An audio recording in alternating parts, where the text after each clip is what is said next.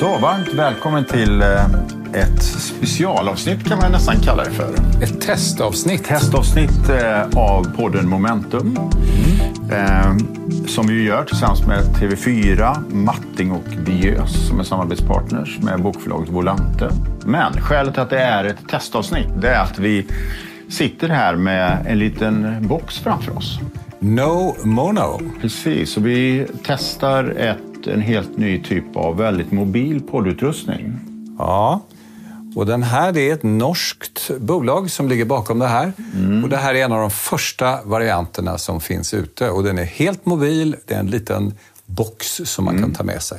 Så att det blir väldigt spännande när vi sen hör kvaliteten på ljudet och allting och sådär. Och eftersom det är testavsnitt så tänkte vi att vi eh, hoppar över det här med, vi brukar ha ett segment som heter mikro med lite roliga ljudklipp och sådär. Och gå rakt på varsin liten spaning eller ett ämne som vi tycker att vi vill säga någonting om. Och där vet jag att du har funderat en del över bilden av Sverige. Ja, men så här, jag har, eh, man har ju ganska länge pratat om att Sverigebilden är i förändring och att den väldigt positiva bild som har funnits att Sverige är väldigt progressivt, modernt, ehm, eh, flest enhörningar, alltså snabbväxande bolag i samma nivå som Silicon Valley och så vidare. Att den, eh, att den bilden förändras. Eh, Och det har ju handlat väldigt mycket om gängbrottslighet, koranbränningar, nu senast det här fruktansvärda terrordådet i Bryssel. Men jag har ganska länge tänkt och jag har ju, ska jag säga, också jobbat lite grann med det här tidigare. När jag var statssekreterare hos, på Statsrådsberedningen så fanns det något som heter Nämnden för Sverigebilden. Och Jag kommer ihåg att Fokus skrev en jättelång artikel om, eh, om det här och vi jobbade också med, vi kallar det för The Nordic Way, när vi skrev ihop en skrift om det liksom progressiva Sverige, progressiva Norden, bland annat gjorde den i Davos och så vidare. Och när vi låg på listorna över Ja, ja. de bästa platserna att bo och leva på. världens mest kreativa land. Men det fascinerande var ju att vi var både väldigt starka på de här hårda grejerna, tillväxt, konkurrenskraft, men också de mjuka. Konnektivitet, logistik. Men också de mjuka delarna då. Eh, bäst att bo i, bästa landet för kvinnor och så vidare. och så vidare. Och Vilket att- år är det här, skulle du säga? Nej, men jag tror att det, det är nog bara några år sedan. Men när jag höll på med det här, det var någonstans 2010, 11, 12. Det var kanske på sin höjdpunkt då. Ehm, men, och sen, men jag kände e- framförallt efter terrordådet i Bryssel och sen så hör man ju väldigt mycket det här att man avråder svenskar från att visa att man är svensk. Eh, svenska företag är lite oroliga. Jag eh, läste om, eh, jag tror att det var en familj som bodde i Frankrike som hade, hade då en svenskregistrerad bil. Eh, och eh, folk hade kommit fram och visat fingret och sådär. Att de kände sig otrygga. Och så lite grann så känns det som att det kanske är så att det är lite grann en islossning nu. Det är faktiskt så att på riktigt så håller bilden av Sverige på att förändras. Ja. Även om det här är processer som är väldigt långsamma. Väldigt långsamma och hela den här andra bilden, den finns ju kvar. Ett land med hög tillit, ett modernt, progressivt land. ehm, Så det finns ju kvar, men det växer fram en annan berättelse. Och eh, det som är intressant då, det är att jag har ju ganska länge försökt förstå, mm, om man låter oss kalla det för liksom berättelsens anatomi. Vad är det som gör att berättelser sätter sig i samhällen? Och ofta är det så att man hamnar, eller ofta, men ibland hamnar företag och människor i negativa berättelser. Eh, Och det skapar enorm frustration och man tänker att nu måste vi bara utbilda alla så att de förstår vilken berättelse som är mest sann. Mm, det är som den riktiga. Mm, och för att göra en väldigt lång historiebeskrivning då, så var det så att jag jobbade ju med berättande och sådär i politiken. Och när jag kom in, och nu får vi backa tillbaka till 2003, då började ju det som sen blev liksom förnyelsen av Moderaterna och hela förnyelseprojektet och sådär. Och då var det så att då befann sig ju Moderaterna i en väldigt besvärlig sits. Det fanns en väldigt negativ bild av partiet, att man ville göra drakoniska skattesänkningar och låta det gå ut över vanligt folk. Och det var väldigt orättvist och sådär. Och Då fanns den här bilden av att nej, men vi måste bara berätta att det inte är så. Och det tror jag är alla slutsatser nu från all typ av forskning är att det går liksom inte att backa en negativ berättelse. Utan vad man måste göra är att man måste bygga en alternativ berättelse. Sjösätta en ny. Precis. Och för samtidigt då som det finns en berättelse om gängbrottslighet och koranbränningar så finns det massa berättelser samtidigt. En annan berättelse är ju det vi kallar den, ny, den gröna omställningen i norra Sverige. Ja. En enormt positiv berättelse, eller hur? Vi ska göra det fossila fossilfritt och grönt stål och enormt mycket investeringar och. Northvolt och progressivt på alla möjliga sätt. Så att jag tror att slutsatsen måste nog vara att tiden är kommen att faktiskt kanske inte försöka säga att den berättelsen är fel, utan vad vi måste göra är att vi måste bygga upp en ny, stark egen berättelse. ja, för just nu har den negativa berättelsen, om jag förstår det rätt, initiativet. Det kan man säga. Och man brukar ibland använda det här begreppet narrativ. Vad är det för narrativ som råder om ett samhälle i det här fallet? Och det är klart att nu är ju det ett väldigt dystert narrativ. Ett narrativ som inte är särskilt bra för Sverige. Och man kan ju vara ganska säker på att eh, den här förfärliga händelsen i Bryssel snurrar ju runt, inte bara på de sidor som du och jag besöker, utan också på Hamas eh, hemsidor, eh, Hizbollah, organisationer som alltså är knutna till terror. Definitivt, och det är väl också någonting som ju eh, MSB alltså, eh, konstaterar väldigt tydligt att det, Sverige förekommer väldigt mycket nu i sociala medier eh, Ja. och väldigt mycket på ett sätt som inte stämmer överens med verkligheten. Ja, det, det som har också varit lite intressant här det var att jag har, helt oberoende av det här egentligen, jag har skrivit några korta texter om det här behovet av en ny berättelse och jag tror att jag själv nästan aldrig har fått så mycket respons på någonting. Så att det finns också ett uppdämt behov, tror jag, av att börja fundera på hur skulle en berättelse av Sverige kunna vara? Hur kan vi koppla det till den gröna omställningen? Och kanske lite grann som vi också skriver i Momentum, det här att, att nu har vi en generation på oss eh, att göra allt fossilfritt, att elektrifiera, att göra Sverige cirkulärt. Det är en fantastisk berättelse. Och var ska initiativet, när du tänker på det, var börjar en sån här ny berättelse? Mm, det här är ju väldigt intressant. Då. Jag var ju bland annat nu förra veckan på Fossilfritt Sverige, hade en stor Ja. konferens eh, och det här var en programpunkt. Så att jag och Björn Wiman som är På DN? kulturchef på DN eh, och den outtröttlige Svante Axelsson då, som är chef för Fossilfritt Sverige som ser allting i väldigt ljusa färger. Eh, Men vi var ju liksom väldigt, väldigt överens om behovet av en starkare berättelse. Och vi var också väldigt överens om att en starkare, starkare berättelse i sig skulle också accelerera utvecklingen. För att det påverkar ju vår världsbild och vår världsbild påverkar vilka beslut vi fattar, hur vi agerar. Allt ifrån liksom 18-åringarna som går ut gymnasiet som funderar på vad ska jag välja för högre utbildning, till investerare, till politik. Eh, om vi har en tydlig berättelse, och jag brukar tänka på det att eh, berättelsen om globalisering, Ja, den var stark. den var superstark och allt vi tänkte på var så här, eh, hur blir vi en del av globaliseringen? Det påverkade hur vi fattar beslut. Sen kom ju digitaliseringen, eller ja, det var ganska samtidigt, de var ju delar av varandra. Och förstärkte varandra. förstärkte varandra. Och då tänkte vi allihopa så här, hur gör vi allt mänskligt beteende till ettor och nollor? Det styrde vårt tänkande. Och nu kanske vi är på väg in i något nytt som styr vårt tänkande. Och då tror jag att vi måste ha det proaktiva. Och den, men för att gå tillbaka till Fossilfritt Sverige då, eh, den här konferensen på Berns.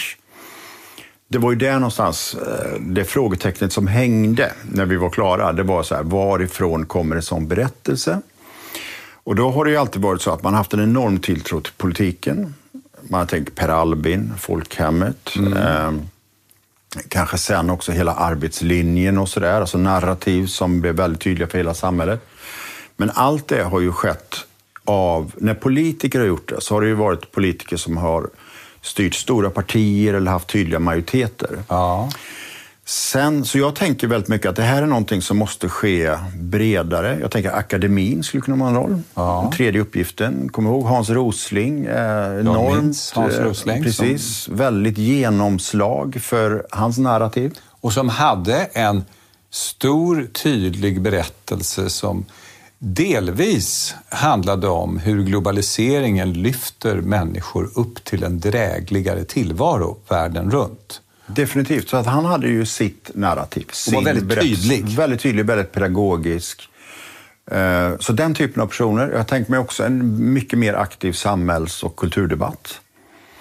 Eh, och där till slut kanske någon, några träder fram. Och det är klart att det finns ju fragment av en sån här berättelse. Näringslivet eh, är ju väldigt långt framme om man tittar på norra Sverige. Allt från ja. Northvolt, H2 Green Steel, LKAB, det görs SSAB. ju saker. Det görs massvis med saker. Och det finns olika berättelser. Det är väl mer att vi skulle behöva kanske en starkare samlad berättelse.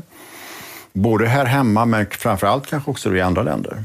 Och ett Sverige som i någon mening är på väg, och vart detta Sverige är på mm. väg. Och om jag förstår det rätt, de här berättelserna måste också bygga på någonting som faktiskt äger rum. De kan ju inte vara helt gripna ur luften. Utan vad det ytterst handlar om är ju att sätta en ram runt något som delvis håller på att hända redan nu. Definitivt. Och jag tänker mig så här att en en berättelse är ju ofta ett löfte om någonting, en riktning, en ja, framtid. En aspiration. En aspiration. Och det löftet eller den aspirationen blir bara trovärdig om det finns bevis i verkligheten. Ja, vad har ni gjort? Mm. Så det måste ju bygga på någonting som är faktiskt och man måste känna att det tas steg i den här riktningen. Ja, konsekvent. Ja, och det är väl därför som den här andra berättelsen om koranbränningar, gängbrottslighet och så vidare är så stark därför att vi har ett mediesamhälle som lyfter fram de här bevisen varje gång. Varje gång det är en skjutning så förstärks det här narrativet. Och den har varit konsekvent? Konsekvent, jag skulle säga att sedan 2015, 2016 någonstans så har ju liksom det här narrativet vuxit sig allt starkare. Mm. Och i det här berättelsen finns ju också en ganska stark koppling till invandring. Som orsak, alltså orsakssambandet, invandring, det mångkulturella, eh, problemen, skjutningar, och så vidare. Och någonstans så tror jag att det är dags att, att äh, ja, ta tag i en alternativ berättelse. Innan den här sätter sig ännu hårdare än vad den har gjort. För den sitter redan ganska hårt om definitivt, jag förstår det hela rätt. Definitivt. Du har också tänkt, funderat lite? Ja, jag blir ofta tillfrågad om framtiden eh, och det är ju en oraklet. väldigt konstig fråga. Oraklet, mm, mm. ja. Att jag blir oraklet. Och det där är en väldigt konstig fråga. Det händer också att jag blir presenterad som framtidsforskare. Och då får jag alltid en väldigt lustig känsla i, min, eh, i hela mitt sinne. Man kan inte forska på framtiden. Jag är ordentligt forskartränad och där får man lära sig att saker som finns kan man forska på. Eh, saker som inte finns, till exempel framtiden, kan man då av naturliga skäl. Det är en begränsad empiri. Väldigt begränsad empiri. Men vad man kan göra, och det är ju det forskare inom samhällsvetenskap och ekonomi har gjort är ofta att hitta det som kallas för ledande system. Finansiellt intresserade personer gör på ett sätt. De sitter och tittar på inköpschefernas beteende i Tyskland och England till exempel och försöker få en känsla för hur köps varor in i vissa industrier. Och utifrån det kan man då dra slutsatser om vad som skulle kanske komma att hända nästa år och året därefter. Eller med inflationen i Tyskland eller vad det nu kan vara.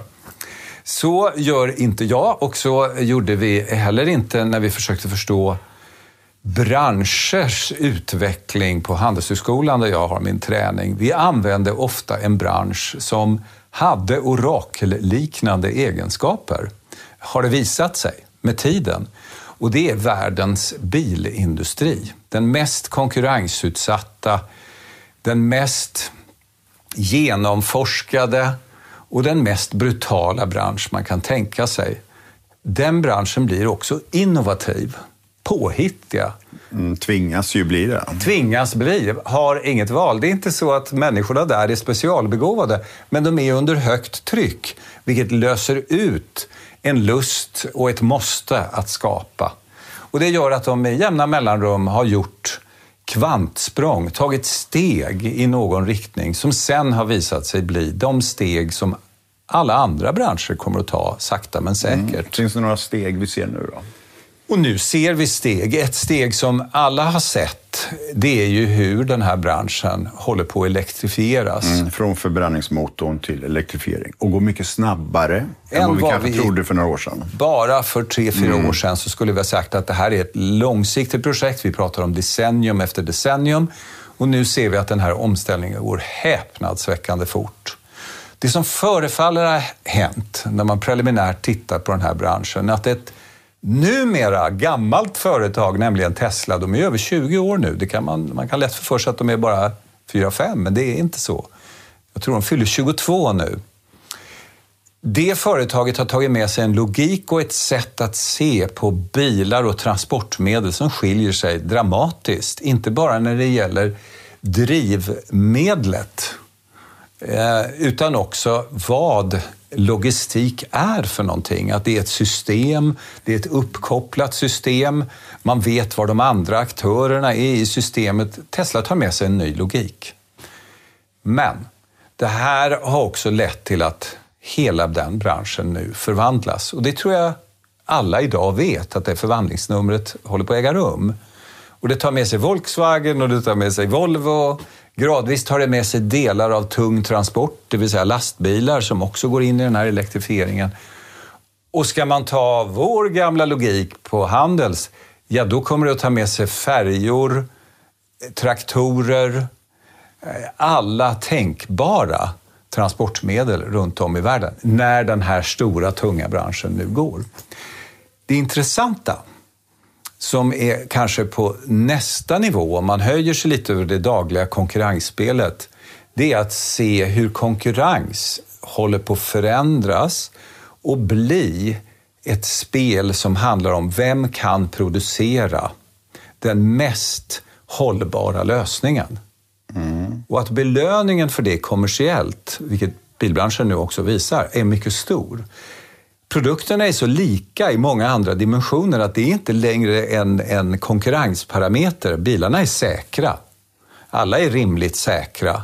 Bilarna har en design som är gjord i vindtunnel, vilket gör att de kan inte bli så olika varandra i det avseendet heller. Men nu blir det här plattformen på vilken konkurrensen... Så det är, det är en av plattformarna att den som snabbast rör sig mot hållbarhet. Ja, det blir som i sagornas mm. värld.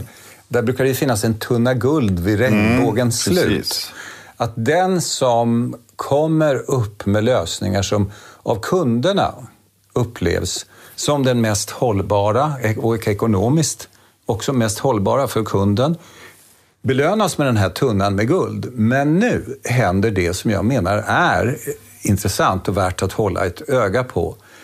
När en av världens största branscher, som också är en av de mest konkurrensutsatta, går i den här riktningen, tar de med sig alla sina underleverantörer och de är många. In i en bil eller in i en lastbil går ju varor och tjänster från alla andra, andra branscher. Om nu spelet i bilbranschen byter karaktär, vilket det förefaller göra, så tar det med sig allt ifrån programmering hela vägen upp till stål. Och nu är vi tillbaka där uppe i Norrbotten igen. Det är ju världens bilindustri som är med och bär en del av de här satsningarna. H2 Green Steel till exempel. Northvolt, inte minst Volkswagen. Northvolt. Mycket stora, ja precis. Som finns med som investerare, som finns med som kunder det vill säga för att de, Volkswagen till exempel, ska kunna göra sitt erbjudande och vara trovärdiga i sitt erbjudande så måste ju den här insatsvaran också följa med stål. Och om den ska följa med, då byter hela konkurrensspelet i världens och Europas stålbransch plötsligt karaktär.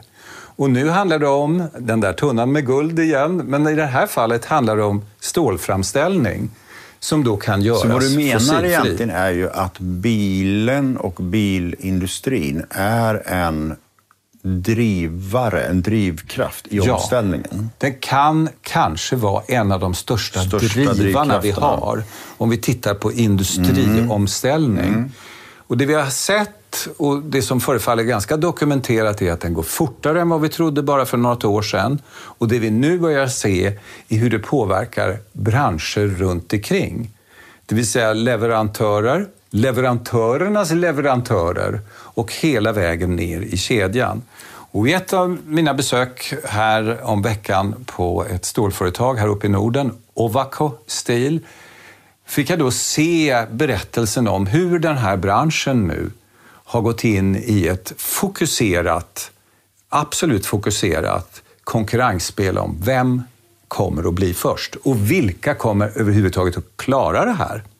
Och vad var slutsatsen? Slutsatsen var att det finns fyra, fem, högst sex spelare just nu på den europeiska marknaden som kommer att hinna runt hörnet. De andra har investerat sig och är tunga i fossil till den graden att de kommer inte att bli relevanta Men nu är vi på stål. Nu är vi på Nu är vi stål. på stål. Och hur står sig de svenska stålprojekten? De svenska stålprojekten är ju till del, en del av dem har ju ännu inte sett dagens ljus. Det här, Ovako är ju ett företag som tickar och går. Det finns. Mm. Och investerat väldigt mycket vätgas. Ja. Och tror jag redan nu är netto noll. Ja. Och rör sig väldigt, väldigt snabbt. Men de tittar ju naturligtvis på sina kollegor i Italien, i Schweiz, Spanien tror jag va? Spanien, importstål från Indien och Kina och de regelverk som nu kommer för att importera fossilstål till Europeiska unionen och de är redan krävande och kommer att bli ännu mer krävande. Det vill säga, vad de beskriver är hur en, ännu en bransch nu ställs om och konkurrensen kommer att handla om hållbarhet och tunnan med guld och vem blir först och vem blir grönast. Och en sån här industriomställning, jag har ändå sysslat med företagande ett antal år, har jag nog aldrig sett maken till i sin snabbhet och i det djup. För det här handlar ju om att helt enkelt hela leverantörskedjor Ja, men det är, en- det är en oerhört dramatisk förändring. Och jag brukar ibland tänka på det, man använder de här orden ibland att ett företag är brunt eller man är grönt. Och förutom bilindustrin så har ju den finansiella sektorn varit väldigt snabb. Ganska eh, mycket är ju drivet av lagstiftning. Men det har ju varit så att, att eh, är du inte grön, om du är brun, så, så det, som brun kan du knappt låna pengar idag och pengar blir mycket dyrare. Ja. Så att vad du säger är att, att bilindustrin och bilbranschen blir som den här löparen längst fram Ja. som löper och vill du vara med i det racet så måste du vara grön. ja. Och det är ju egentligen ett bevis också, för jag tänkte på det vi skrev, nämligen att, att hela hållbarhetsfrågan ändrar karaktär från att ha varit liksom en kostnad för företag till att bli konkurrensmedlet. Och det ser ut som om den omställningen har gått på mindre än fem år i termer av att det var någonting som vi försökte uppfylla utifrån regelverk, utifrån att det är önskvärt, till att det är nu något man måste uppfylla. Absolut måste uppfylla, för det är det som är konkurrenskraften. Och jag tänker också bara om man går tillbaka till det vi pratade om först, det här med berättelsen. Så är det ju så, måste man ju säga, att en, en berättelse som finns, som är väldigt tydlig, det är ju berättelsen om elektrifiering. Ja, Hur otroligt mycket snabbare det har gått än vad vi trodde. Det ser man ju i både hur bilbranschen agerar, man ser det i försäljningen av bilar, även om det är lite stökigt just nu med höga räntor och leasing och så. Men man ser det också i laddstationer. Bara, bara stadsbilden i Stockholm, där vi sitter just nu, det finns ju otroligt mycket mer laddstationer. Laddgator. Eh, Och det har blivit en del av vår infrastruktur. Men det är antagligen så att det här märkliga redskapet bilen som har funnits med oss i lite drygt hundra år eh, och som har präglat stadsbilden, för det har den verkligen gjort. Jag tror att i, i, nu är den ju, har ju några år på nacken, men det finns en undersökning som visar att i Stockholm så används mer, mer än 50 procent av ytan till bilen. Parkering, vägar, allt som har med bilen att göra tar mer än hälften av platsen i anspråk. Det vill säga, en medborgare, en politiskt aktiv person, en konsument. Man kan inte inte ha ett förhållande till bilen. Alla har det. Och när det nu omformas på ett sådant sätt att elektrifiering så att säga är en självklarhet kring bilen så kommer den att dra med sig inte bara leverantörer och leverantörernas leverantörer utan det kommer också att dra med sig det som du började dagen med att prata om. Berättelsen om vårt samhälle. Det finns en annan aspekt som är väldigt intressant här och det är ju för var det några veckor sedan så gick ju den nya majoriteten i Stockholms stad ut och sa att man vill göra en så kallad miljözon 4 Ja. av en kvadrat. Och den är skarp, den miljözonen, i den meningen att restriktionerna är Ja, hårda. det är egentligen bara tillåtet med riktigt grönt elektrifierade bilar. Allt annat otillåtet, även på taxi, även på allt. Men då har ju den här fått såklart väldigt mycket kritik. Eh, men det här visar ju också att, att bara göra en så liten sak egentligen som en liten zon inne i Stockholm där man tillåter miljözon 4 från, tror jag, om det var första januari 25. Jag minns det så, 25. Ja, och det är ju ingenting om man jämför med den enorma drivkraft som finns i bilindustrin. Kraven på underleverantörer, finansbranschens krav för att kunna ge ut lån och så vidare. och så vidare. Så att, Vissa länders lagstiftning som skärps. Ja, ja, ja. Så politiken är ju i den mening väldigt, väldigt försiktig. Mm. Eh, och eh, det är säkert så att när vi väl är där den första januari 2025, då kommer vi tycka att det är ingenting. Därför att det har förä landskapet förändrar sig. Landskapet har förändrats, berättelsen har förändrats och så vidare. Och så vidare. Och just nu känns det här som en stor tugga. Eller hur? Framförallt för politiken. Men om ett och ett halvt år, det är vad du säger, så kommer det att kännas som en helt rimlig tugga. Absolut, och det som man också tänker det är ju att när man gör så, när man säger att en del av en stad, för att få vistas där så krävs att du är elektrifierad. Mm. Det kommer ju föda innovation. Det föder innovation, det snabbar på utvecklingen. Och det här har ju Eh, bland annat Harvard-forskare ägnat sig ganska mycket åt att titta på det här känsliga växelspelet mellan hur branscher utvecklas och hur man lagstiftar. Och är lagarna för drakoniska verkar de negativt. Är de lite före industriutvecklingen så är de aspirativa, de driver på den tekniska utvecklingen och innovation. Och att det finns en fine line och en fine tuning att göra i det där. Mm, och det är väl därför också som eh, allt ifrån EU till i det här fallet att man sätter ganska tydliga tidpunkter. Mm. När man längre inte får sälja dieselbilar, när miljözonen införs och så vidare. För då blir det någonting tillräckligt nära och gripbart i tiden för att kunna bli en aspirativ lag, snarare än någonting som liksom, liksom försvårar utvecklingen. Ja, det är görbart. Mm, det är görbart, det är tydligt. Det har ju skojats mycket om eh, diktaturer och eh, hybriddemokratiers skarpa regelverk. De har ofta väldigt hård lagstiftning på olika områden. Problemet är att det, ingen följer det, så att säga, i praktiken. Medan i en demokrati så har vi lärt oss över åren hur känsligt det här är och att lagarna inte kan vara för långt ifrån det vi gör. Eftersom de då tappar sin funktion och de är inte aspirativa. Mm. Ja, men du har ju väldigt rätt i det, att det här förutsätter ju politiska system där man respekterar regelverken. Ja. Uh, och det, det, blir också väldigt intressant tycker jag att se inom ramen för EU-systemet. Därför att det är, inte, det är så att olika länder har ju, är olika duktiga på att uppfylla Eh, de beslut man gemensamt fattar. Eh, mm. Och andra länder är mer fria i sin tolkning. Ja, där är du väldigt generös med orden. Fria Precis, var ordet. man är fri. Ja, det finns en annan sak, jag tror inte vi ska gå in på det nu, men som också är intressant om man bara ska titta på bilindustrin. Och det är det här begreppet as a service. Car ja. as a service. Men eh, det här är ju ett eh, litet testavsnitt Ja. Så vi kanske ska spara den tårtbiten eh, till ett kommande avsnitt. Till det, nästa. Det kan man också fundera på vilken inflytande bilbranschen och industrin har haft på andra branscher, vårt konsumentbeteende och så vidare. Men det är en, absolut en podd i sig själv. Och eh, det lovar vi härmed. Ja. Eh, och härmed säger vi tack. Tack så mycket. Tack för att ni har lyssnat. Eh, ni lyssnar på podden Momentum och eh, vi tackar också Volante som är vår samarbetspartner och vi tackar TV4, Matting och Diös för att ni är med och gör denna podd möjlig. Tack så mycket. Tack.